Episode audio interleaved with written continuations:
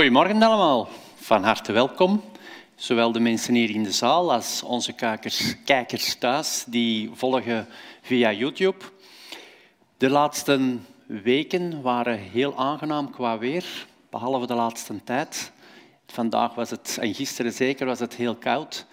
En ik zou daarom, uh, daarom is het fijn om hier allemaal samen in een lekkere warme zaal te mogen zitten en vertoeven. En de mensen thuis lekker warm achter hun scherm. Um, in ieder geval, ik hoop dat we er vandaag een hele warme en toffe, gezegende dienst van mogen maken met elkaar.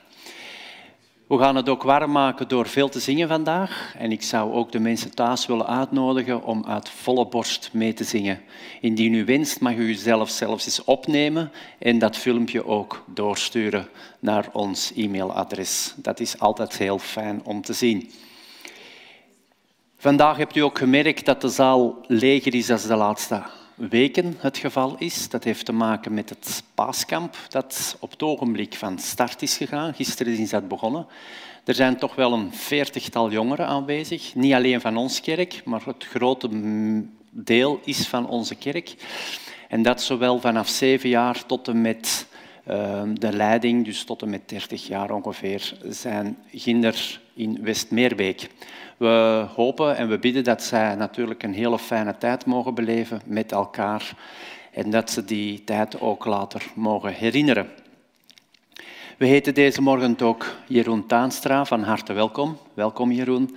En het zal Jeroen zijn die ons zal voorgaan in de dienst van de morgen. En we zien al uit naar de boodschap die hij zal brengen. Op 23 april Binnen drie weken is dat. En dan gaan we onze eerste investituurdienst terughouden. En dat sinds meer dan twee jaar.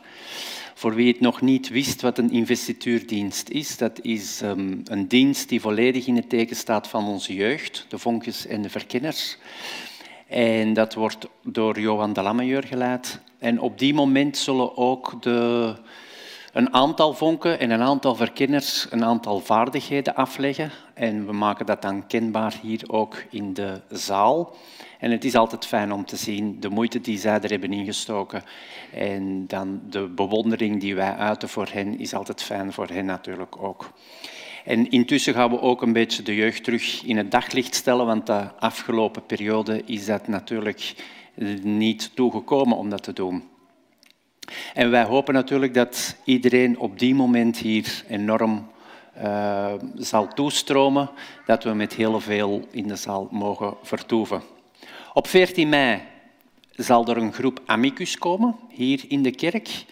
Die gaan niet met ons in de dienst zitten, maar die hebben een aparte verdieping dat ze zullen in beslag nemen. Amicus is een groep die is opgericht, nog niet zo lang door onze federatie, waarin studenten kunnen samenkomen vanuit heel België. Dus zowel van Wallonië als Vlaanderen. Ehm, studenten die bepaalde onderwerpen gaan bespreken en die zitten ook meestal met heel andere vragen als wij volwassenen. En ik reken mij bij volwassenen bij deze keer. Ehm, en dan gaan ze die onderwerpen bespreken en gaan ze er ook een soort dienst rondweven. Maar dat is op 14 eh, mei, dus moest je op die moment jeugd zien verschijnen die u nog niet kent. Ze zijn natuurlijk van harte welkom. U mag ze ook welkom heten, maar ze zullen apart op een verdiep vertoeven. Um, ik wil u ook nog van de morgen wijzen op de oorlog in Oekraïne, die nog steeds gaande is, helaas. Vanuit de media eh, hebt u ook natuurlijk de beelden gezien en krijgen wij allemaal dagelijkse updates van wat daar aan de hand is en wat daar gebeurt. ADRA is nog steeds actief daar en die probeert natuurlijk het menselijk leed daar te verzachten. Uiteraard kan ADRA niet zonder onze hulp. Zowel ons gebed is van belang, maar ook onze giften. Want zonder uh, geld gaan ze daar helaas niet ver geraken. En daarom doe ik hier ook nog eens een oproep om giften te sturen naar de ADRA, opdat zij daar ook actief kunnen blijven in Oekraïne. U vindt het rekeningnummer nu ook in beeld voor degenen die thuis zijn. En hebt u uw krantje ontvangen, daar staat ook in groot het rekeningnummer nog altijd vermeld. Zo, ik denk dat uh, dat waren de aankondigingen voor vandaag. En dan zou ik nu van start willen gaan met onze dienst. En we gaan onze dienst starten met het woord van God, namelijk Psalm 146. Loof de Heere, mijn ziel. De Heer wil ik loven, zolang ik leef. Mijn God bezingen, zolang ik besta. Vertrouw niet op mensen met macht. Op een sterveling bij wie geen redding is. Stokt zijn adem. Hij keert terug tot de aarde. Op die dag gaat hij met zijn plannen ten onder. Gelukkig wie de God van Jacob tot hulp heeft. Wie zijn hoop vestigt op de Heer, zijn God, die hemel en aarde gemaakt heeft. De zee en alles wat daar leeft. Hij die trouw is tot in eeuwigheid, recht doet aan de verdrukte, brood geeft aan de hongerigen. De Heer bevrijdt de gevangenen. De Heer opent de ogen van de blinden. De Heer richt de gebogenen op. De Heer heeft de rechtvaardigen lief. De Heer beschermt de vreemdelingen. Wezen en weduwe steunt hij. Maar wie kwaad doen, richt hij te gronden. De Heer is koning tot in eeuwigheid. Je God, Sion, van geslacht tot geslacht. Ik wil u nu vragen om recht te staan, zodat we de Heer kunnen zoeken in gebed.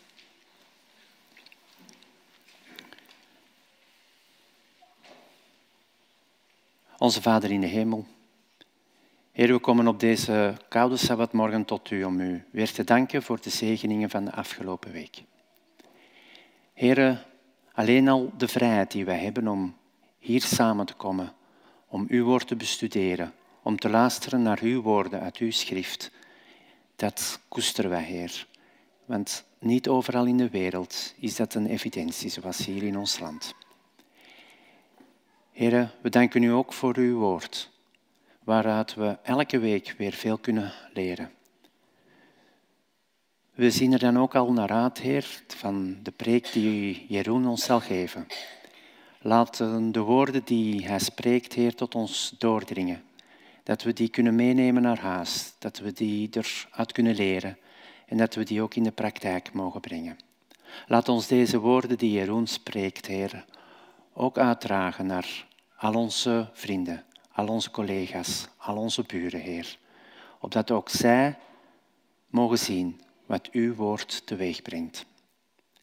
Heer, we willen deze morgen ook stilstaan bij alle onmenselijkheden die hier op het ogenblik gebeuren in de oorlog in Oekraïne, Heer. Al die mensen die moeten omgaan met verlies. Al die mensen die honger hebben of gewond zijn. Of al die mensen, Heer, die iemand verloren zijn, een vriend, een familielid. Heren, we denken ook aan al die mensen die nood hebben aan onderdak, die nood hebben aan verzorging, Heer. Wilt u hen bijstaan in deze moeilijkere periode? Maar vooral, Heer, wil met hen zijn en wilt u ook met de leiders zijn, Heer, opdat zij zo snel mogelijk naar een oplossing mogen zoeken en die ook ten uitvoer brengen. Heer, we willen deze morgen u ook vragen om bij onze jeugd te zijn op kamp, Heer. Willen hen een fijne tijd geven, een gezegende tijd met elkaar, opdat ze een tijd mogen beleven die ze de rest van hun leven mogen meenemen en die de rest van hun leven mogen koesteren, Heer.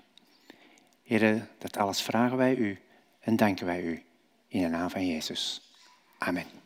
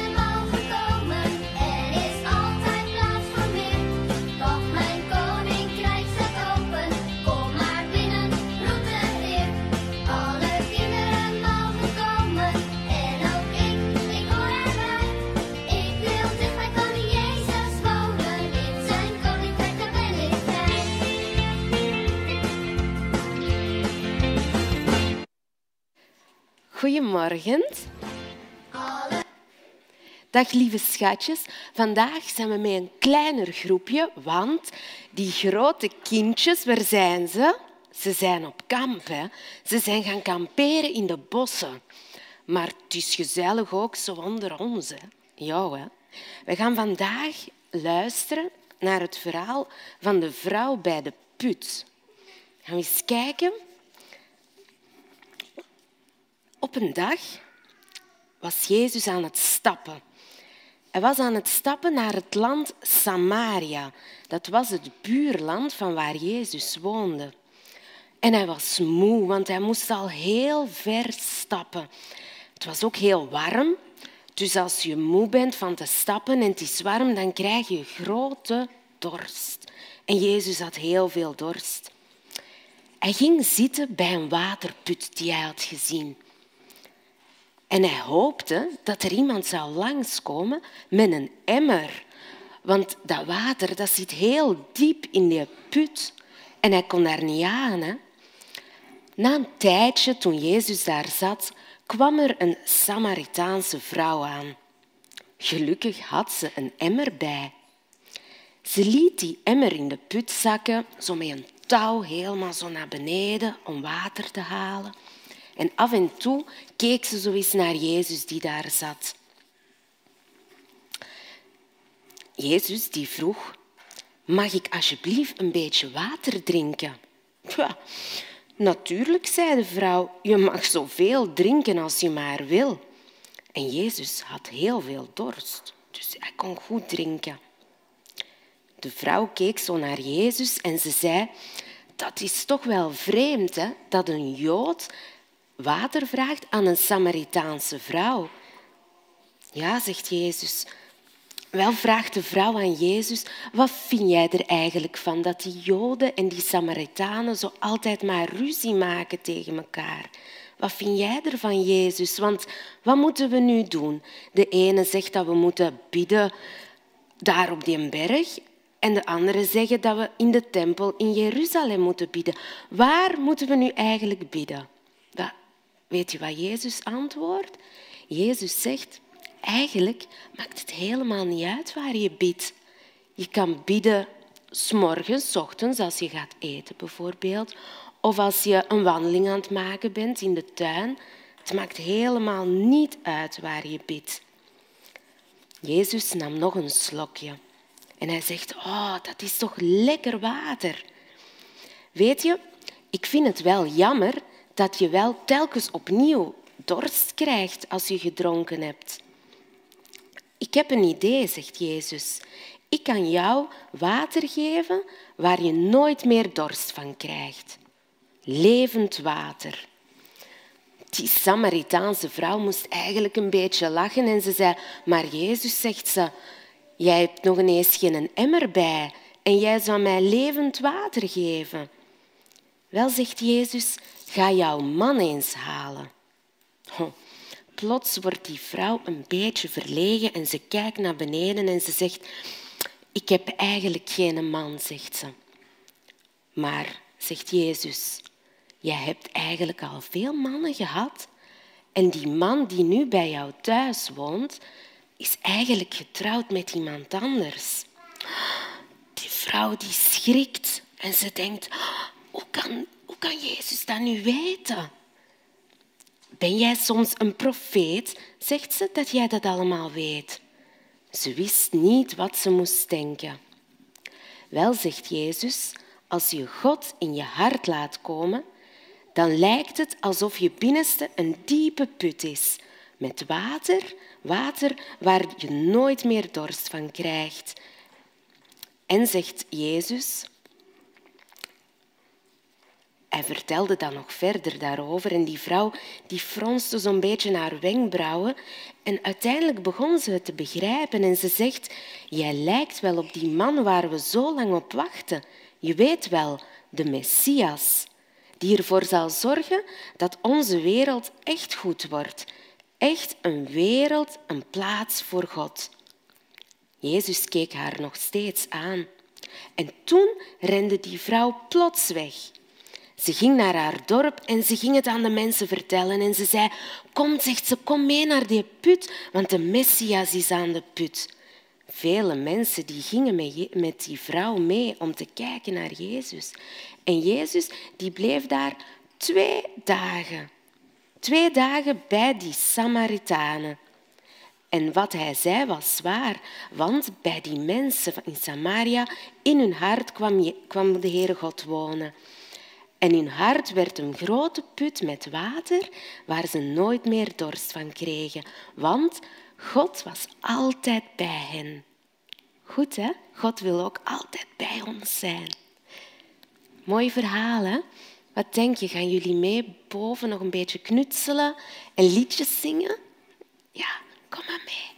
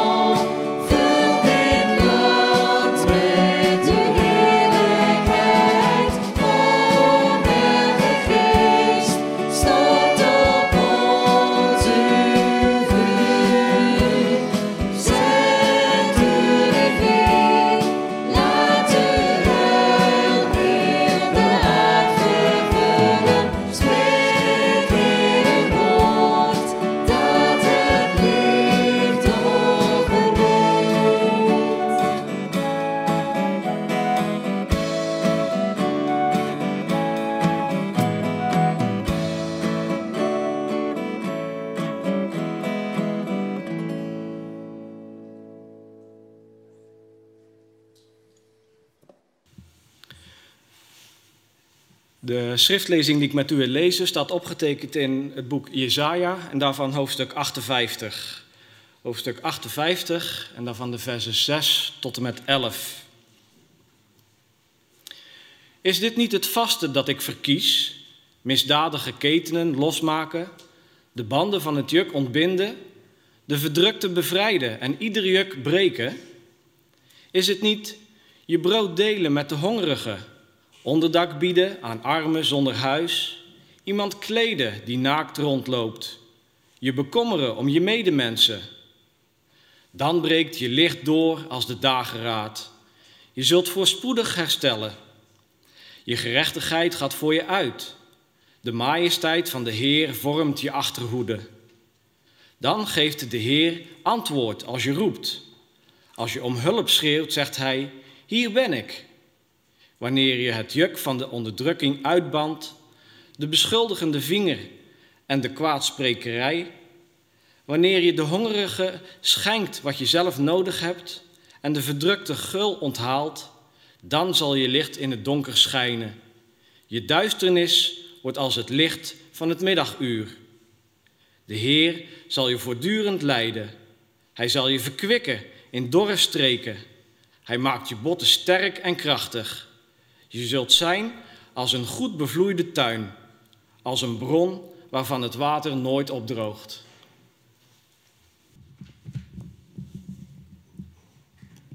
Ik lees u voor uit Johannes 4, de versen 16 tot 24. Toen zei Jezus tegen haar: Ga uw man eens roepen en kom dan weer terug. Ik heb geen man, zei de vrouw. U hebt gelijk als u zegt dat u geen man hebt, zei Jezus. U hebt vijf mannen gehad en degene die u nu hebt is uw man niet. Wat u zegt is waar. Daarop zei de vrouw: Nu begrijp ik, Heer, dat u een profeet bent. Onze voorouders vereerden God op deze berg. En bij u zegt men dat in Jeruzalem de plek is waar God vereerd moet worden. Geloof me, zei Jezus, er komt een tijd dat jullie nog op deze berg, nog in Jeruzalem, de Vader zullen aanbidden. Jullie weten niet wat je vereert, maar wij weten dat wel. De redding komt immers van de Joden.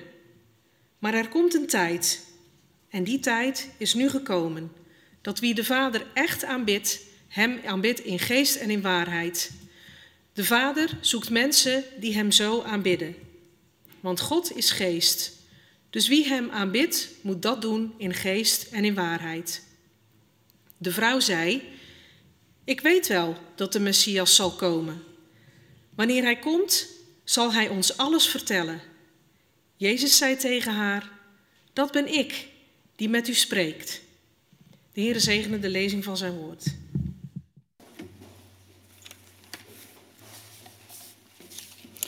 Goedemorgen allemaal.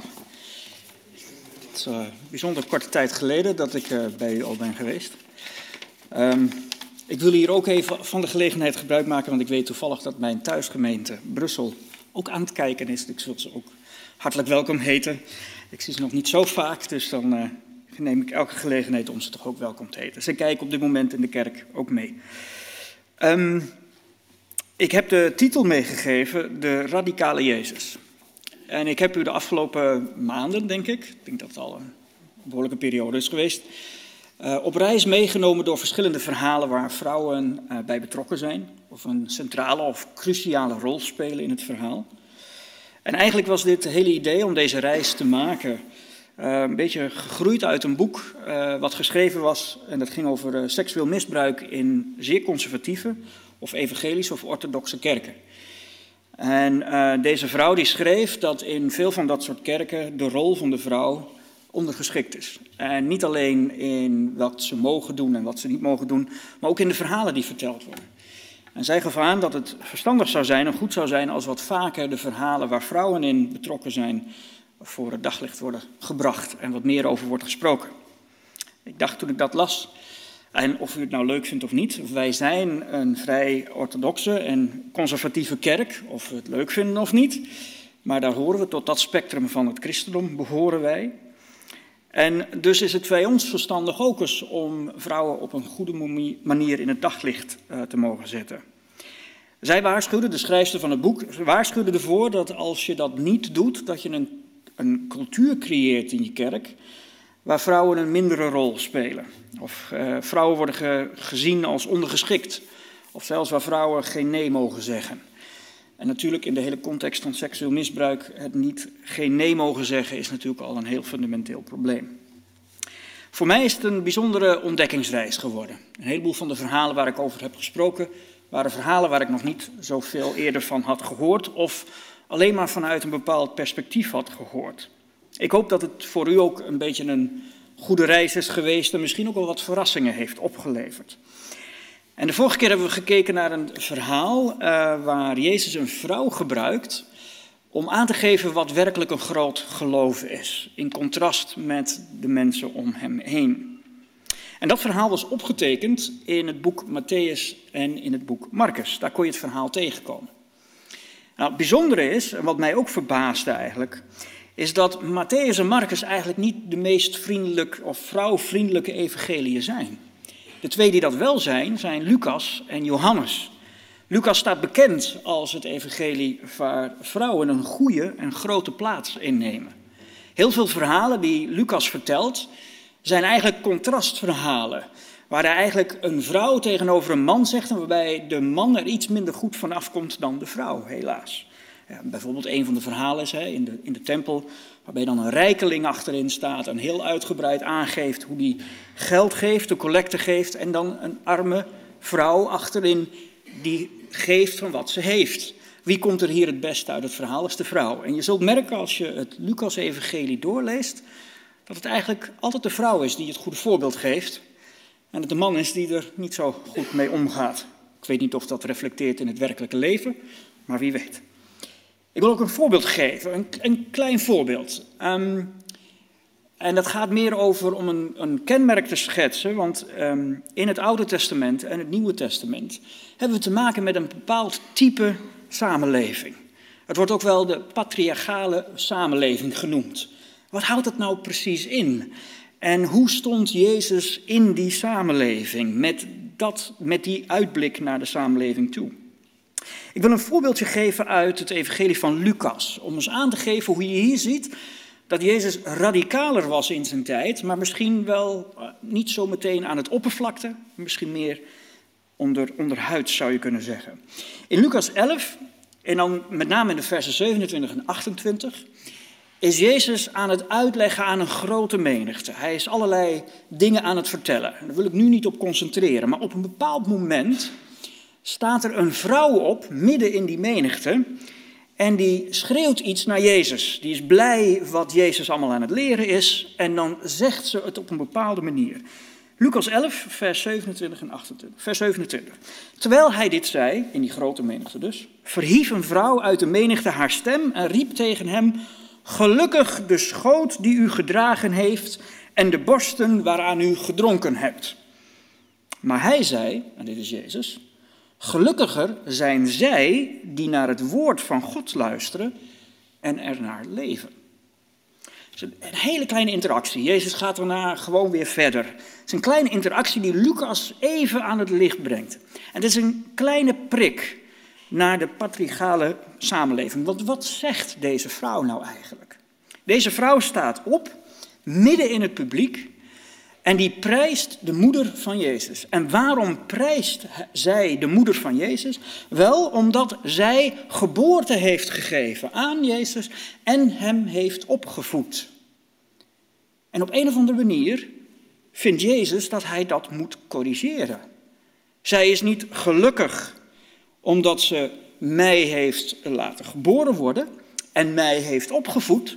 Zij zal veel gelukkiger zijn als zij naar het woord van God luistert en ernaar leeft. Wat Jezus hier doet is, is een van de kenmerken van een patriale samenleving onderuit halen. Het idee namelijk dat de rol van de vrouw en de vrouw enkel alleen bestaat in wat zij kan doen. Gelimiteerd wordt, ze wordt gedefinieerd als het ware door de voortplantingsproductie zou je kunnen zeggen. Zij is degene die baby's kan voorbrengen en zij is degene die de baby's kan voeden. Dat zijn fysieke eigenschappen van een vrouw, wat een man niet kan. En ze wordt als het ware gedefinieerd in dat kader. En dat doet deze vrouw ook. Je moeder is geprezen. Waarom? omdat ze je als baby heeft gehad en omdat ze je kon opvoeden. De vrouw wordt gereduceerd tot wat ze kan doen, wat ze fysiek is. En Jezus trekt het daar boven en zegt: nee, nee, nee. Veel gelukkiger de vrouw die gewoon luistert, leert en die dus ook gewoon onderwezen wordt. Hij maakt hier een soort parallel waarvan hij zegt: de vrouw heeft waarde niet alleen om wat ze kan, maar omdat ze als mens is. Allereerst is ze een mens en daarna een moeder en daarna een opvoedster. En dat is iets wat in een patriarchale maatschappij heel moeilijk te verkoppen was. De reden waarom de vrouw thuis moest blijven, de reden waarom de vrouw bezit werd van de man, was omdat ze een moeder kon zijn, was omdat ze voort kon produceren, was omdat ze iets kon produceren als een baby. En dat zet Jezus hier op zijn kop. Er zijn nog meer uh, aanwijzingen. Laten we eens kijken wat nou eigenlijk een patriarchale maatschappij eigenlijk teweeg heeft gebracht of wat het eigenlijk was. Bijvoorbeeld in Israël, en Israël was daar absoluut niet uniek in. En je kunt ook niet zeggen dat het heel extreem was in Israël, absoluut niet. Het paste compleet in dat kader, in die tijd. Dus ga ook niet te snel veroordelend te werk, maar probeer wel alles wat er gebeurt en hoe Jezus handelde en hoe hij omging met mensen, wel in een tijd te plaatsen. In die tijd was het zo dat in het openbare leven vrouwen een ondergeschikte rol innamen. Dat was gewoon zo. Een voorbeeld hiervan is een geschiedschrijver, een zekere Flavius Josephus, die leefde ten tijde van Jezus en schreef over de geschiedenis, een geschiedschrijver daar. En die zei, de vrouw is in alles de mindere van de man. En dan kun je zeggen, nou dat is een mening van één persoon, maar dat werd over het algemeen zo gezien in de maatschappij. De vrouw is in alles de mindere van de man. Toegang, en dat, dat had ook een resultaat, ook voor de Israëlitische maatschappij. Bijvoorbeeld de toegang voor de vrouwen in de tempel was niet verder dan het voorhof. Vrouwen mochten niet verder komen dan het voorhof. In de synagoge werd er een aparte plaats ingericht voor de vrouw. Dat is vandaag de dag nog steeds zo. En daarbij werd eigenlijk ook gezegd dat de vrouw geen vragen mocht stellen. Ze moest stil zijn en haar man moest de vragen stellen. Het was ook gebruikelijk dat enkel jongens onderwijs kregen. En meisjes werden daarvoor afgesloten, werden niet toegelaten. Een rabbi beschouwde het beneden zijn waardigheid en zelfs misschien wel oneerbaar om in het openbaar met een vrouw te spreken. In juridische zaken was de vrouw gelijk aan kinderen of een slaaf. Zij kon niet optreden als een officiële getuige. Dus al had ze getuige geweest van een moord, haar getuigenis was niet rechtvaardig, was niet, kon je niet naar luisteren. Ze werd in het huwelijk beschouwd als het bezit van een man. En zij moest absoluut loyaal en trouw zijn aan haar man, maar hoefde dat niet terug te verwachten van haar man. De man kon zonder veel moeilijkheden scheiden van de vrouw. Maar omgekeerd werd het haar schier onmogelijk gemaakt om zelf de scheiding in te zetten. Dit zijn maar enkele aspecten van een maatschappij waar dit de norm was, normaal was. Laat het even op u, door u indringen. En zeker als vrouw in het publiek, laat het even op u indringen wat het betekent voor uw eigen dagelijkse leven. Hoe u daar zelf in staat. En als je je dit realiseert, als je dan de verhalen van Jezus hoort in het Nieuwe Testament, in de Evangelie, zie je hoeveel van deze conventies hij eigenlijk aan het breken is. Er helemaal niet mee eens is en dat eigenlijk gigantisch doorkruist de hele tijd. Vandaag gaan we ook kijken naar een verhaal waar hij dat weer doet. En dit weer, waar hij een vrouw ontmoet en waar hij weer in een gesprek gaat met een vrouw, waarbij hij zoveel conventies breekt, waarbij hij zo radicaal anders omgaat met de vrouw dan gebruikelijk was in de maatschappij, dat het ons wel tot nadenken moet stemmen. Het verhaal kunnen we vinden in het evangelie van Johannes. En nu schijnt Johannes, het Johannesevangelie, nog vrouwvriendelijker te zijn dan het Lucas-evangelie. Ik, ik weet, het zijn misschien nieuwe dingen. Ook voor mij was het een nieuwe ontdekking. Want normaal als je de evangelie doorleest, ja, dan, dan, lees je de verhalen en dan zie je de parallellen in de verschillende evangeliën. Je hebt wellicht ook door dat het doelpubliek van elke evangelie anders is. Marcus en Matthäus spreken veel meer voor de Israëlieten, de gelovige Joden. Johannes en Lucas die spreken veel meer voor de bekeerde heidenen of voor de heidenen. En dat kunnen we ons nog wel realiseren, maar vervolgens realiseren we ons vaak niet dat ook de verschillende evangelisten verschillende nadrukken leggen. Andere dingen, andere elementen aan het licht brengen. En zo is dus Matthäus en Marcus onderbelichten veel meer de rol van de vrouw. Terwijl Lucas en Johannes veel meer de vrouw belichten en haar rol. En Johannes gaat het zelfs zo ver dat, ze eigenlijk, dat hij lijkt de vrouwen te gebruiken om een les te leren aan de mannen. De mannen komen er vaak niet zo goed vanaf in het evangelie van Johannes. In het verhaal dat we vandaag gaan kijken is dat eigenlijk ook zo. Het verhaal dat we gaan kijken is opgetekend in, 1 Johan, of eh, is opgetekend in Johannes 4. En we hebben het kinderverhaal gezien, u kunt al op uw klompen aanvoelen waar het verhaal over gaat. Het gaat inderdaad over de ontmoeting met de Samaritaanse vrouw. Maar dat verhaal is ingekapseld in een veel breder kader. Het is ingekapseld in verhalen die eigenlijk al beginnen in uh, hoofdstuk 3, eigenlijk hoofdstuk 2. In hoofdstuk 2 uh, eh, wordt de beroemde uh, handeling gedaan waar Jezus water in wijn verandert tijdens een bruiloft. En Johannes kenmerkt dit, dit wonder als het eerste teken dat Jezus doet. Het eerste teken van ja, zijn messiaschap, het eerste teken van zijn autoriteit. Dat gebeurt in hoofdstuk 2. In hoofdstuk 3, en eigenlijk daar een stukje daarvoor, krijg je die beroemde scène waar Jezus in de tempel staat en hij gaat de tempel schoonvegen. En dan wordt hem de vraag gesteld, terwijl hij dat doet, hij veegt de tempel schoon van alle geldhandelaren, van alle handelaren, de marktplaats maakt hij schoon in de tempel. En dan komen er een paar mensen die dus de tempel onderhouden, die komen naar hem toe, een paar joden komen naar hem toe en die vragen hem dan, met welk teken kunt u bewijzen dat u dit mag doen? En dat wordt een soort rode draad in de verhalen die daarop volgen. Welke tekenen, de wondertekenen die gedaan worden, hoe relateren ze zich tot Jezus?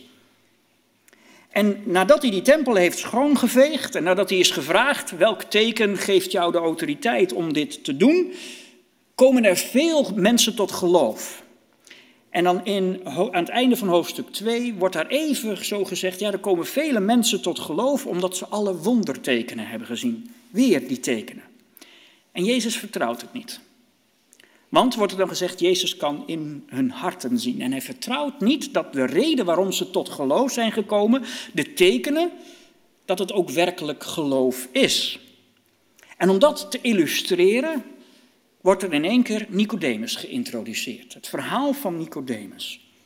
En om het contrast te maken zometeen met het gesprek wat hij, met de met, wat hij heeft met de Samaritaanse vrouw, moet je hier wel een paar dingen aanstippen.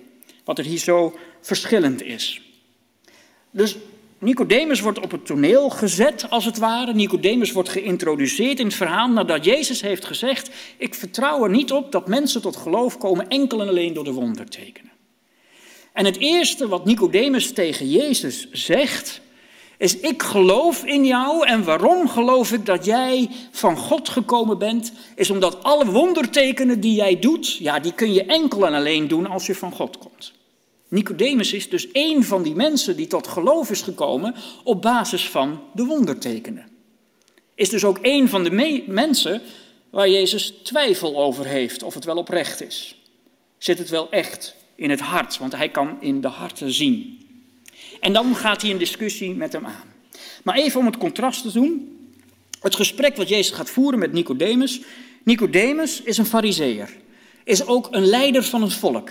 Dit is niet zomaar een willekeurige Jood, niet zomaar een willekeurige gelovige. Dit is een soort top-level gelovige. Daar gaat hij mee in gesprek. Hij is een leider van het volk. Hij is een geboren Jood. Hij hoort echt tot het Joodse volk. Hij spreekt zijn geloof uit omdat hij wondertekenen heeft gezien. Jezus ontmoet hem in de nacht.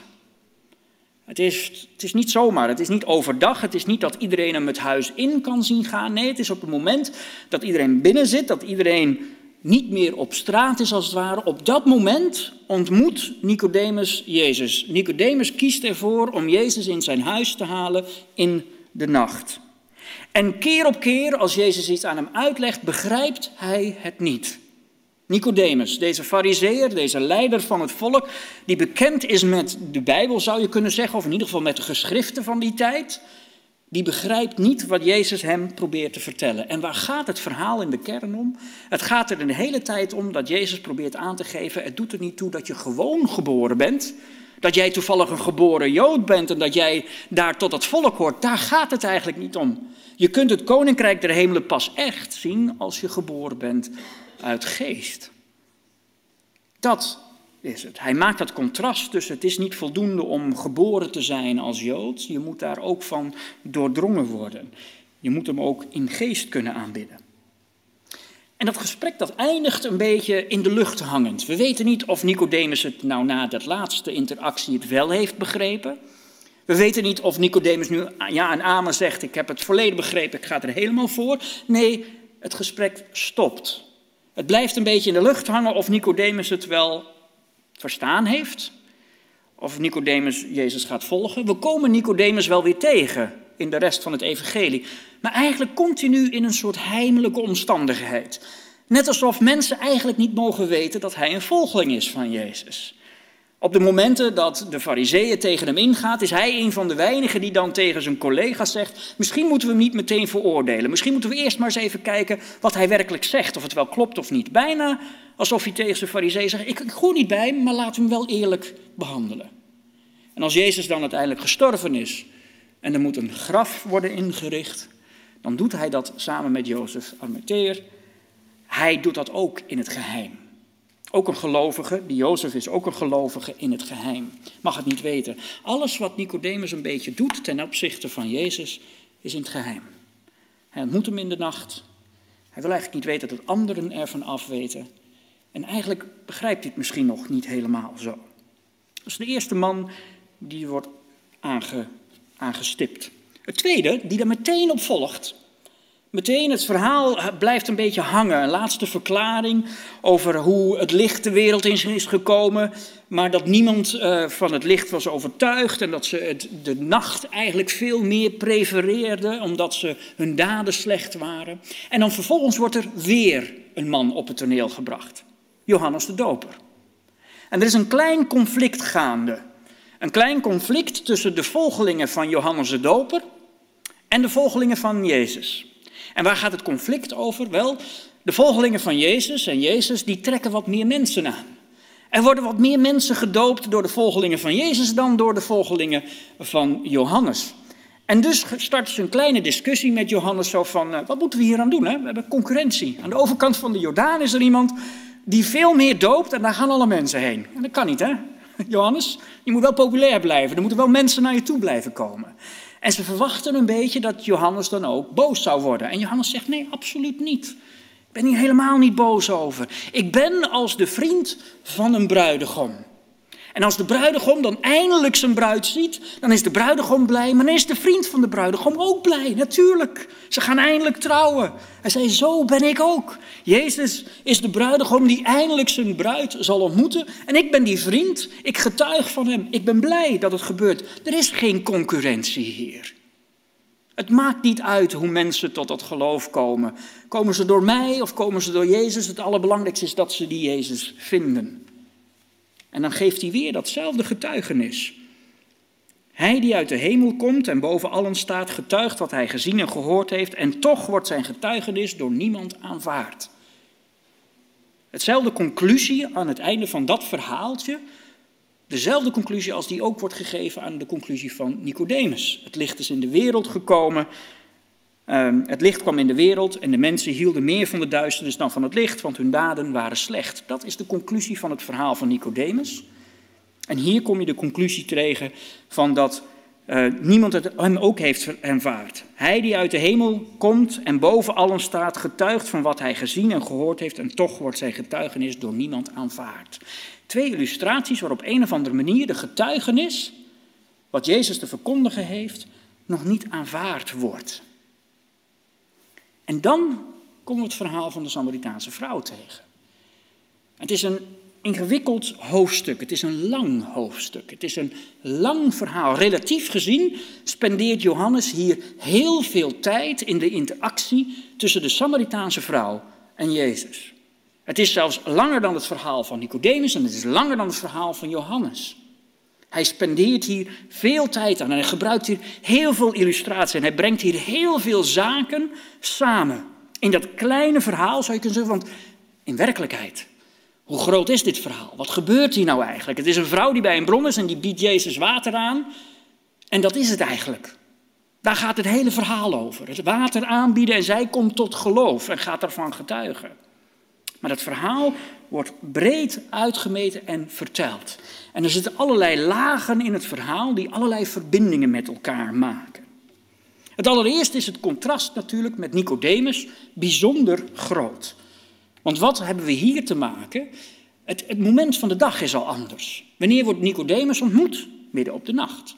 Wanneer wordt deze vrouw ontmoet? In het middaguur. Een groter contrast kun je niet hebben. Natuurlijk kun je ook zeggen, ja, maar het middaguur was ook het moment dat er niemand was. Er was niemand in de omgeving. Als je middaguur water moest halen, dan behoorde je niet tot de opperklasse of behoorde je niet tot de normale klasse in de omgeving, maar je kon in het middaguur naar de bron toe gaan, omdat er dan niemand was. Dus als je in een beschaamde positie zat in de maatschappij, dan was dat een veilig moment om naar de waterbron te komen. Er was dan niemand, want op het middaguur is het heetst van de dag. Je moet wel gek zijn om het midden van de dag zwaar werk te gaan doen, water gaan collecteren. Tegelijkertijd, je kan dat als een contrast tegelijkertijd is dat precies hetzelfde met Nicodemus. In de nacht is er ook niemand anders, lopen er ook niet veel mensen op straat. Het zijn beide momenten waar niet veel mensen in de omgeving zijn, maar de ene is in het volle daglicht en de ander is in de nacht. Hij ontmoet haar ook in publiek. De waterbronnen waar je water komt halen, ja, die kun je een beetje vergelijken. Ja, het kan misschien een beetje ehm, ordinair klinken, maar je kunt ze een beetje vergelijken met de cafés van vandaag. Wilde je mensen ontmoeten in die tijd? Zeker als je alleenstaand was en die wilde een toekomstige vrouw ontmoeten, waar ging je dan naartoe? Dan ging je naar de waterbronnen toe. Daar kon je vrouwen ontmoeten en daar kon je een praatje met ze maken. En wie weet, wellicht kon je dan geïntroduceerd worden bij hè, je toekomstige schoonvader. En zo kon er iets moois ontstaan. Eigenlijk zou je vandaag de dag dat nog steeds een beetje kunnen vergelijken, misschien met de cafés en de disco's, ik weet het, voor ons Adventisten is het natuurlijk wel heel moeilijk om dat voor te stellen, maar dat is als je alleenstaand bent en je wil dames ontmoeten, dan is dat de plekken waar je mensen kunt ontmoeten. Nou, in die tijd waren dat de waterbronnen. Hadden ongeveer dezelfde reputatie als de cafés en de disco's vandaag de dag hebben. En dus Jezus die gaat naar die waterbron toe, in het publiek, in het openbaar. Mensen kunnen hem daar zien. Dit is iets wat not done is in die tijd. Kunt u zich nog herinneren? De kenmerken van een patriarchale samenleving. Jezus gaat hier een vrouw ontmoeten in het openbaar. En niet alleen dat, hij gaat haar ook nog een keer onderwijzen. Hij gaat haar iets uitleggen. Hij gaat hier iets vertellen. Dat werd al niet gedaan. En daarbovenop was het niet zomaar een vrouw. Het was ook nog eens een keer een Samaritaanse vrouw. Een Ketterse vrouw. De Samaritanen die hadden een moeizame relatie met de Joden woonden al eeuwen bij de Joden in de buurt, maar ook al eeuwen waren zij niet geaccepteerd. Samaritanen waren in die omgeving terechtgekomen tijdens de grote volksverhuizingen. Het was een soort strategie die door de grote machthebbers werden toegepast. Hoe kon je ervoor zorgen dat iemand uh, loyaal bleef aan jou? Nou, één manier om die loyaliteit aan jou, aan de grote machthebber, op te bouwen is ervoor te zorgen dat de loyaliteit met het moederland of de loyaliteit met de eigen cultuur gebroken is. En hoe kun je dat doen? Nou, pak een heel volk en forceer het om te verhuizen, om te gaan wonen in een compleet andere omgeving. Met een nieuwe cultuur, nieuw land, nieuwe eetgewoontes, al die soort zaken. Daar breek je iemand mee. En dan kun je langzaam die loyaliteit weer gaan opbouwen richting jou. Jij bent de grote beschermheer geworden. En dat was ook gebeurd met de Samaritanen. Zo waren ze terechtgekomen onder de Joden. En die hadden daar al eeuwen gewoond en die hadden een soort eigen variant van het Joodse geloof gecreëerd. Ze hadden hun eigen berg waar ze de aanbiddingen deden. Ze hadden hun eigen varianten, maar ze hadden ook heel veel elementen die gelijk waren. De Joden konden beter omgaan met de heidenen, die zo verschillend waren dat je ze nooit kon vermengen. Maar ze hadden heel veel moeite om met de Samaritanen om te gaan. Want dat waren mensen die leken te veel op hun. En daar kon er heel veel verwarring ontstaan. Daar moest je goed afstand van bewaren. En dat deden ze dan ook. Je sprak niet met deze ketterse mensen die half geloofden, die eigenlijk ook niet wisten waar ze het over hadden, die eigenlijk ook niet wisten wie die echte God was, want die echte God kenden ze niet. En zo werden ze ook een beetje buiten dat Joodse geloof gehouden. Het was maar goed dat ze hun eigen berg hadden met hun eigen tempel en hun eigen riten, dan hoefden ze in ieder geval niet naar de tempel in Jeruzalem te komen. En Jezus kiest om met deze vrouw te gaan praten, om haar te gaan onderrichten. Ziet u het contrast met de Nicodemus die daarvoor kwam? Een, een, een fariseer, bekend met de geschriften, een leider van het Joodse volk. En dan deze Samaritaanse vrouw, ketters, behoort tot het verkeerde volk. Is ook nog eens een keer een vrouw. En nog bij een waterput, niet bij iemand thuis, maar bij een waterput in het openbaar. Je zou bijna kunnen zeggen, wat zou er verkeerd kunnen gaan? Zou er iets mis kunnen gaan?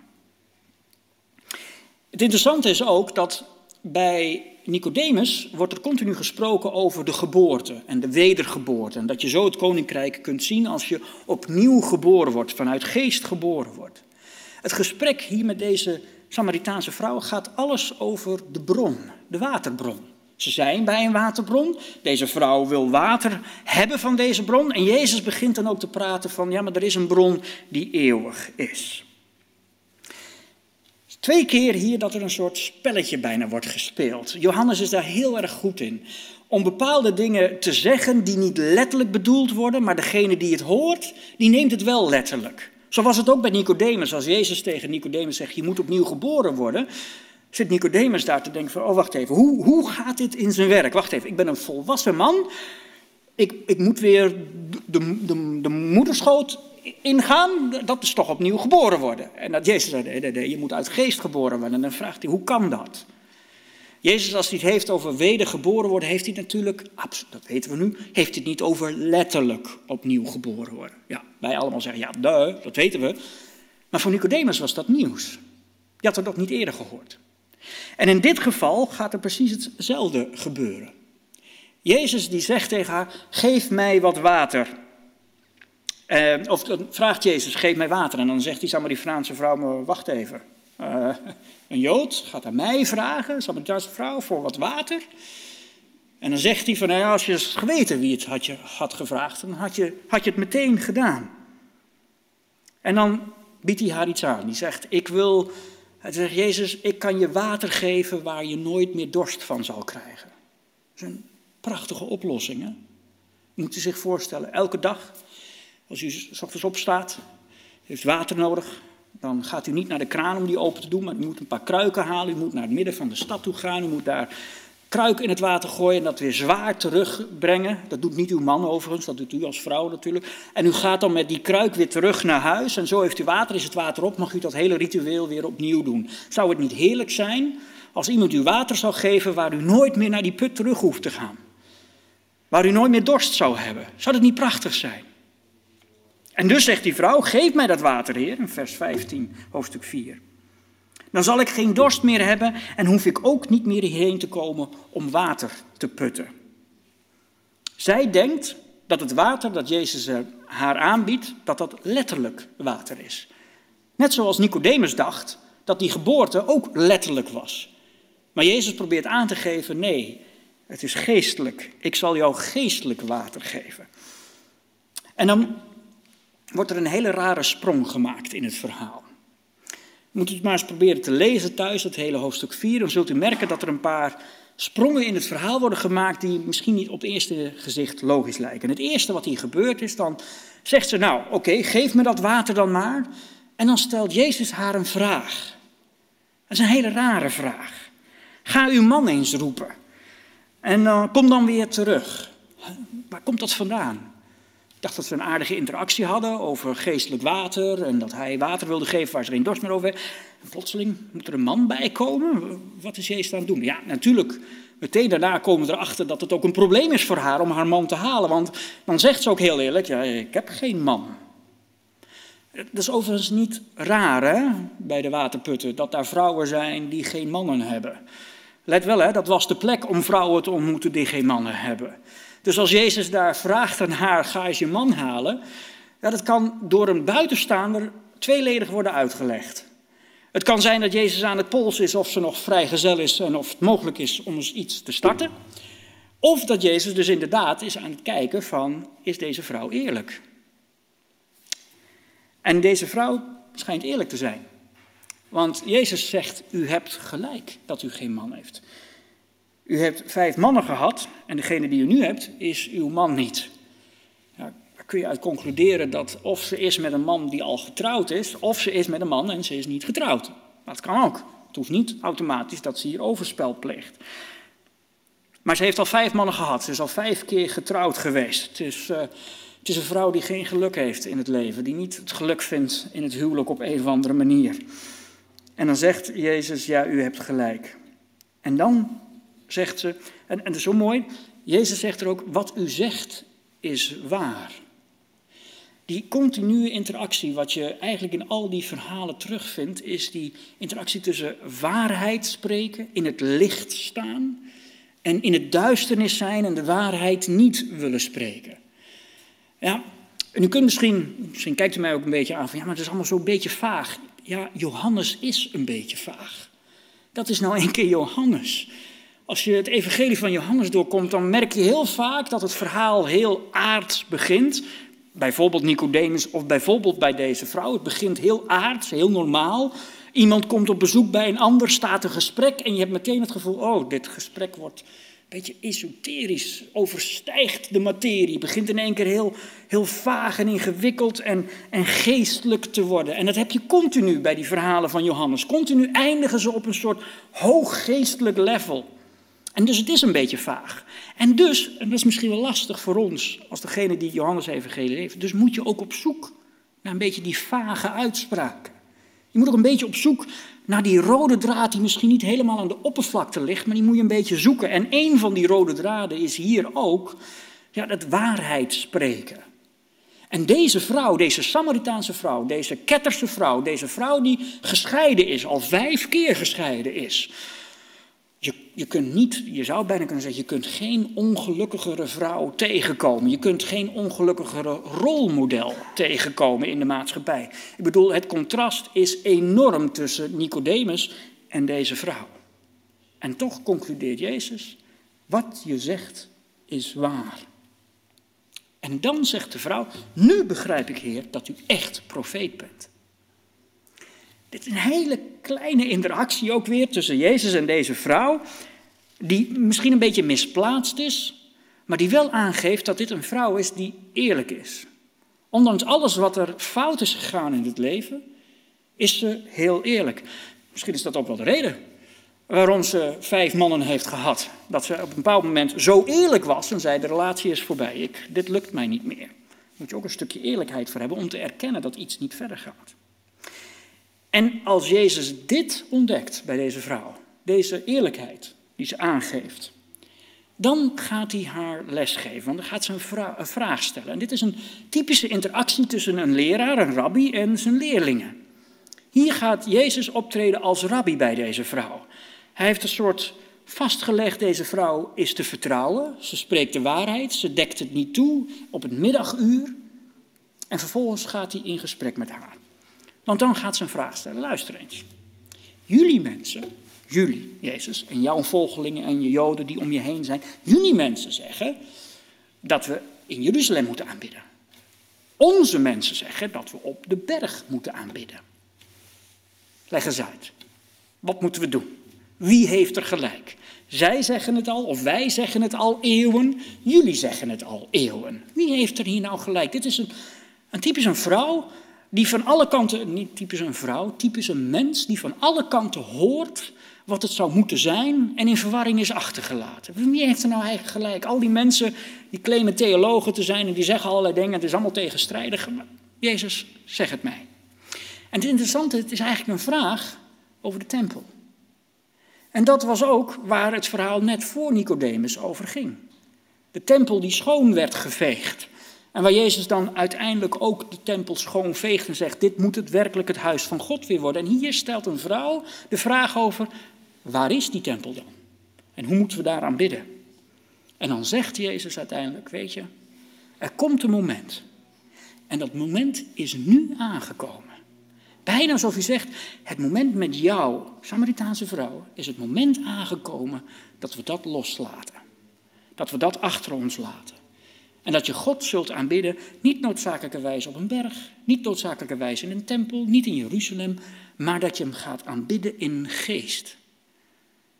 Weer zo'n esoterisch antwoord, weer zo'n vage antwoord. Wat betekent het nou, in geest aanbidden?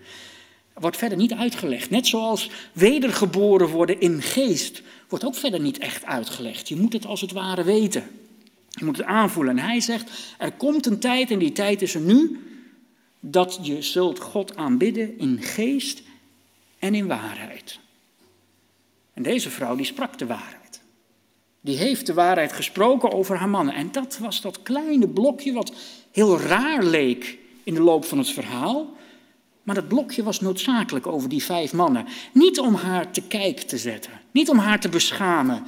Niet om haar te kijken, zei van een onbetrouwbare persoon. Maar juist om te laten zien dat ze betrouwbaar was. Ze heeft misschien niet alles goed gedaan in haar leven, maar ze spreekt wel de waarheid. En Jezus knoopt dat daar aan haar en zegt: Zie, er komt een tijd dat je in geest en in waarheid zult aanbidden. Geen hypocrisie, geen onwaarheid, geen leugen, niet in de duisternis, maar in klaarlichte dag zul je Hem aanbidden. Dan komen zijn discipelen op het toneel. Die onderbreken dit leuke interactie en dit is ook wel noodzakelijk. Hè? De spanning begint ook al aardig op te bouwen van hoe lang gaat dit goed? Wanneer komen de eerste mannen langs om eens even te corrigeren wat daar gaande is? En dat zijn zijn discipelen. Die komen langslopen en die zien Jezus in gesprek met deze vrouw. En zij hebben zoiets van, dit klopt niet. Zij zitten nog ook in hun eigen cultuur, hoe zij kijken naar vrouwen en hoe de interactie met vrouwen om moet gaan. En dus gaan ze hem aanspreken. Ze berispen hem bijna. Waar ben je mee bezig? Waar ben je? We, weten dat je single bent, maar dit is niet het juiste moment. En zeker niet met een Samaritaanse vrouw. Wat is hier aan de hand, Jezus? Wat ben je nu weer aan het doen? Zij voelde heel goed aan dat Jezus hier tegen alle conventies inging. Dit moest niet gebeuren. Luister eens, Jezus, jij bent een rabbi. Zo word je ook gezien in de maatschappij. Wat je nu doet, is niet rabbiwaardig. Een rabbijn doet dit niet. Die gaat niet praten met een vrouw in het openbaar. En zeker niet deze ketterse Samaritaanse vrouw. Ze hadden het niet begrepen. En terwijl dat gebeurt, plaatst die vrouw haar kruik neer. Terwijl dus dat, die interactie met Jezus en zijn discipelen gebeurt, plaatst de kruik neer, rent de stad in en zegt: Kom mee. Er is iemand die alles van mij weet. Er is iemand die alles weet wat ik heb gedaan. Dit moet een profeet zijn. Ze wordt als het ware, ik zeg niet een blanco blaadje, maar iedereen waar ze mee in contact kon, kon ze zeggen, deze wist alles. Uh, wat zou uw reactie zijn als er iemand de straat in komt rennen? Ik heb iemand ontmoet en die weet alles van me. Wat is het eerste wat hij dan vraagt? Wat weet hij dan? Leg eens uit. Wat is er dan dat in je leven wat hij toevallig wist? Nou, ze moet dus niet alleen vertellen, hij weet alles. Ze moet daarbij ook nog eens een keer vertellen, ik had vijf mannen, daar ben ik van gescheiden en hij weet het en ik weet dat ik niet met een echte man ben. En dan, ze, ze wordt als het ware helemaal opengesteld. Ze kan niks meer verbergen. En het wordt haar redding. Die openheid, die waarheid wordt haar redding. En niet alleen haar redding, die openheid en die waarheid wordt ook de redding van dat hele stad. Er komen velen tot geloof. En Jezus berispt zijn discipelen. Hij zegt, luisteren. En dit is continu in het evangelie van Johannes. Continu worden er voorbeelden gebruikt waar je, waar je diep in moet graven om even te begrijpen wat hij zegt. Want gaat, Jezus gaat praten over, ja, het is als een, een zaaier en een maaier. En de maaier die krijgt eigenlijk van tevoren al wat hij nog niet gezaaid heeft. Dat is het, dat is het probleem. De maaier krijgt pas betaald op het moment dat de zaaier alles heeft gezaaid. En er is, dan, dan groeit op en dan moet er geoogst worden. En op dat moment krijgt de maaier natuurlijk zijn opbrengst. Niet daarvoor. En plotseling gaat Jezus spraken, nee, nee, nee. Maar jullie als maaiers, Zegt, de oogst is klaar. Jullie hebben niet eens gezaaid, jullie hebben er niks voor gedaan, maar jullie zullen degene zijn die de oogst mag binnenhalen. Waar heeft hij het over? Waar, komt dit vandaan? We zijn maaier, de oogst is klaar, we hebben niet gezaaid, we krijgen al uitbetaald erop. En dan precies daarna wordt er het volgende verteld. In die stad kwamen vele Samaritanen tot geloof. En door het getuigenis van de vrouw, hij weet alles van me. Zij hoefde niks te doen. De discipelen hadden helemaal niks gedaan. Ze hoefden geen evangelie te verkondigen, geen evangelisatiecampagne op te zetten, geen foldertjes rond te sturen. Ze hoefden geen grote lezingen te houden, ze hoefden helemaal niks te doen. Het enige wat ze moesten doen was die Samaritanen die die stad uitkwamen onderwijs te geven. Ze konden oogsten. Puur en alleen omdat deze vrouw zich had, gegeven, getuigenis gegeven van wat ze geloofde. En dan uiteindelijk concluderen ze, en dat is heel mooi om te zien, wij geloven nu niet meer, dat zijn die Samaritanen die naar Jezus toe komen, wij geloven nu niet meer om wat jij gezegd hebt, maar we hebben zelf gehoord en we weten dat Hij werkelijk de redder van de wereld is. Ze zijn overtuigd. En dat is een andere conclusie dan die we iedere keer daarvoor hebben gezien. Deze mensen komen wel tot geloof. En ze komen geloof niet doordat ze wondertekenen hebben gezien, maar ze komen tot geloof omdat ze zelf gehoord hebben. Deze mensen krijgen geloof omdat ze horen van hun medemens, de Samaritaanse vrouw, horen ze wat Jezus allemaal van hen weet. En dan, als ze dat verhaal is afgerond, dan komt daar een laatste verhaal nog een keer achteraan geplacht, weer terug in Cana. En dan wordt er weer iemand genezen, of dan wordt er niet weer iemand, er wordt iemand genezen in Canaan en dan wordt er geconcludeerd, dit is het tweede teken. Als je dus de evangelie doorleest, is het heel belangrijk om context te zien. Om te zien hoe de verhalen in hun plek aan elkaar verbonden zijn. En dat is niet makkelijk. Iedere keer als je een verhaal doorleest, moet je dus op zoek gaan wat verbindt dit verhaal aan de verhalen die daarvoor komen en de verhalen die daarna komen. En in dit geval zie je eigenlijk dat het begint bij de bruiloft in Canaan, waar het eerste teken wordt gegeven. En het blok verhalen eindigt weer in Canaan, waar iemand wordt genezen en dat is het tweede teken. En daartussenin zie je drie personages die op het toneel worden gevoerd. Nicodemus, Johannes de Doper, de Samaritaanse vrouw. En alle drie beschrijven ze andere fasen van het geloof, beschrijven ze andere manieren van omgaan in het geloof. Nicodemus, een geboren Jood waar Jezus zijn missie op heeft gezet en hoe hij daarmee omgaat en het niet begrijpen van Nicodemus. Nicodemus in de nacht ontmoet, maar die aan het einde van het gesprek het eigenlijk nog steeds niet begrijpt. Alles wat, wat Nicodemus zegt, dus elke keer als Nicodemus spreekt, is het iedere keer hoe kan dat? Ik begrijp het niet. Hij is een geleerd iemand.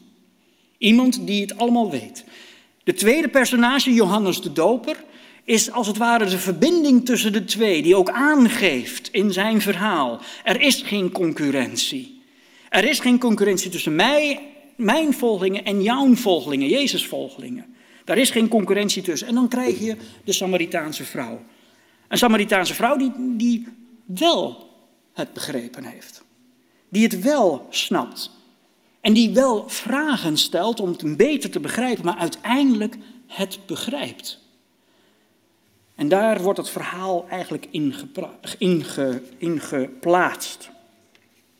Er zijn zoveel parallellen, want eigenlijk als je naar dit verhaal gaat kijken en je gaat er nog meer in, dat is één preek niet voldoende. Ik wil niet zeggen dat ik hier een serie start over juist dit hoofdstuk, maar het is niet voldoende om al die lagen uit te pakken. Er zijn zoveel verbanden die gecreëerd worden in dit ene verhaal, in dit verhaal over die Samaritaanse vrouw.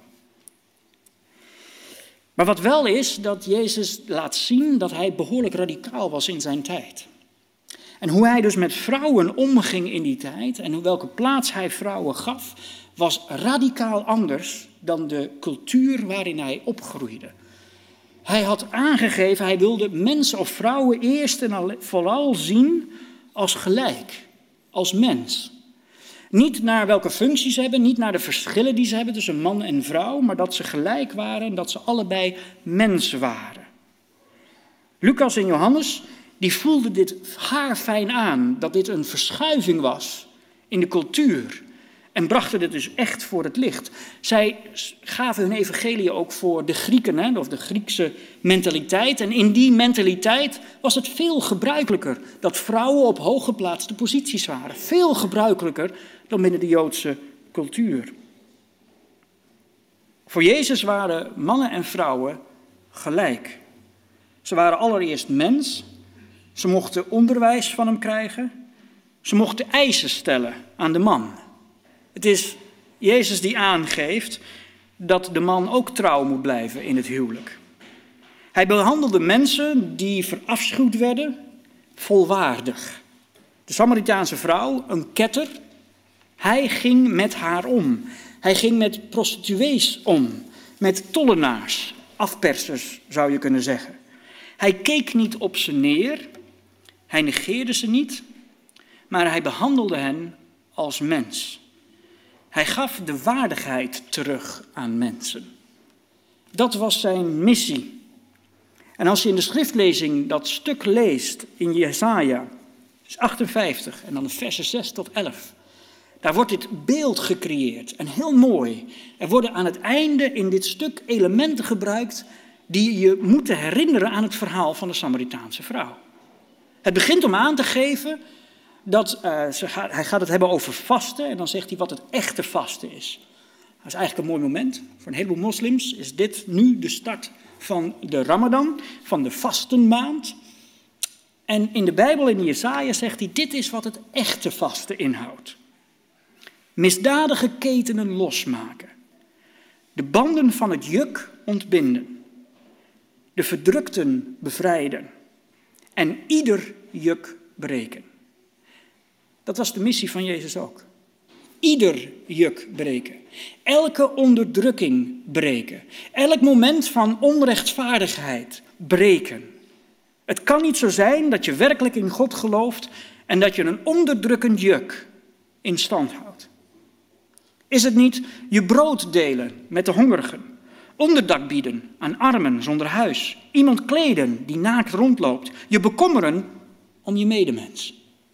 Ieder juk breken en je bekommeren om je medemens. De missie van Jezus. Dat wilde hij laten zien als terwijl hij rondliep op aarde. Dan breekt je licht door als de dageraad. Niet in de nacht, maar in de dageraad. Je zult voorspoedig herstellen. Je gerechtigheid gaat voor je uit. De majesteit van de Heer vormt je achterhoede. Dan geeft de Heer antwoord als je roept, als je om hulp schicht, zegt hij, hier ben ik. Wanneer je het juk van de onderdrukking uitbandt. De beschuldigende vinger en de kwaadsprekerij, als je die ook uitbandt. Wanneer je de hongerige schenkt wat je zelf nodig hebt en de verdrukte gul onthaalt. Dan zal je licht in het donker scheiden. Je duisternis wordt als het licht van het middaguur.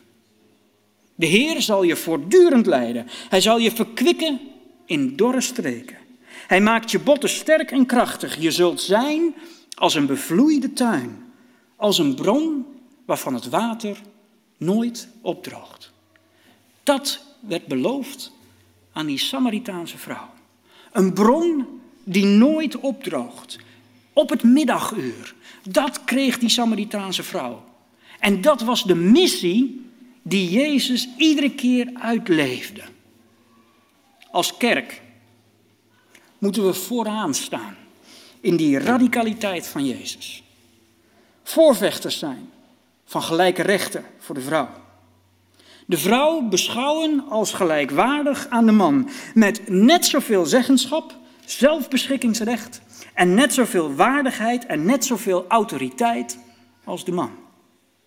Dan alleen ben je echte volgelingen van Jezus.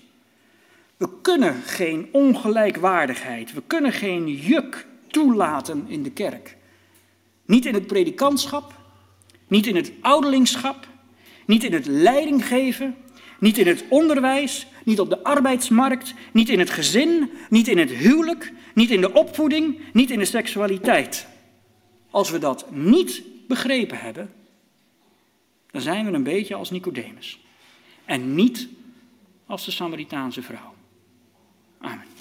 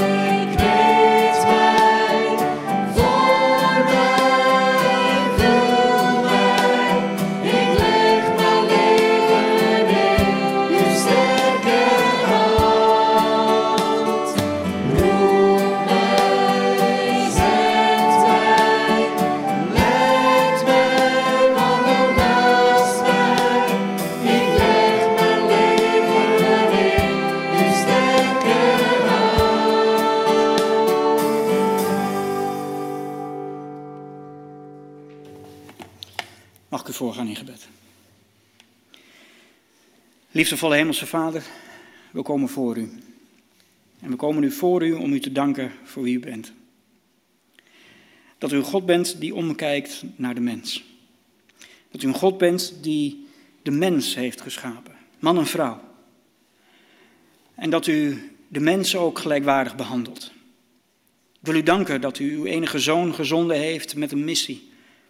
Een missie om jukken te breken en om de medemens op te vangen. En Heer God, ik wil u danken dat u dat heeft laten zien in het leven van Jezus. Hoe hij omging met de medemens. En bovenal hoe hij omging met de vrouw. En Heer God, als kerk hebben we het vaak niet goed gedaan. We willen u vergeving vragen voor de momenten waar we als kerk juist de jukken in stand hebben gehouden. Waar we juist niet de medemens hebben geholpen. Waar we structuren in plaats hebben gehouden, waar we beleid in plaats hebben gehouden, waarvan we wisten dat het een gedeelte van de bevolking onderdrukte. En niet alleen in de geschiedenis, maar dat we het vandaag de dag vaak nog steeds zo doen. En in God, daar willen we vergeving voor vragen. En hulp. Hulp om het in de toekomst anders te doen. Hulp om te kijken naar de mens door de ogen van Jezus. Om te zien hoe we anders met elkaar kunnen omgaan. Hoe we elkaar gelijkwaardig kunnen behandelen. Help ons daarmee, Heer God. Dat we die veranderingen mogen inzetten, zodat gerechtigheid weer mag vloeien. Dat we weer het gevoel hebben dat u achter ons staat en met ons meegaat op weg. En dat we een bron mogen zijn van levend water die nooit op zal drogen. Heer God, mogen we dat zijn als geloofsgemeenschap. Mogen we een bron zijn voor mensen om ons heen, waar ze heen komen, water mogen drinken, wat de dorst voor eeuwig zal lessen. Maar Heer God, dat betekent wel dat we ook eerlijk moeten zijn en dat we die mag structuren. En die structuren die juist het juk opleggen aan anderen, dat we die moeten breken. God, help ons om te zien hoe we dat kunnen doen. Help ons om te zien hoe we veranderingen kunnen toepassen die noodzakelijk zijn. Help ons om te zien hoe we elkaar als volwaardige mensen kunnen ontmoeten en zien. Heer God, we weten ook dat u een God bent van vergeving. En dat betekent als vergeving vragen dat u daar bereid toe bent om dat te doen. En Heer God, we zijn daar dankbaar voor. U houdt niet alleen de fouten tegen ons, maar u bent ook bereid om ons een nieuwe toekomst aan te bieden. En Heer God, we willen die aangrijpen. En op een dag als vandaag, een sabbat, mogen we dat ook herdenken. We mogen herdenken van die bevrijding van het juk wat we zelf hebben gehad, dat juk van de zonde. En dat we dat vandaag mogen vieren, dat we daarvan bevrijd zijn. Het juk van de zonde en dat we bevrijd mochten zijn van de druk van het werk. Heer God, wilt u ons daarin zegenen? En mogen we een zegen zijn voor de mensen om ons heen. Wilt u ons dan, als we naar huis keren, dat doen onder uw zegen? Mogen de Heer u zegenen en u beschermen. Mogen de Heer het licht van zijn gelaat over u doen schijnen en u genadig zijn. Mogen de Heer zijn gelaat toewenden en u vrede geven. Amen.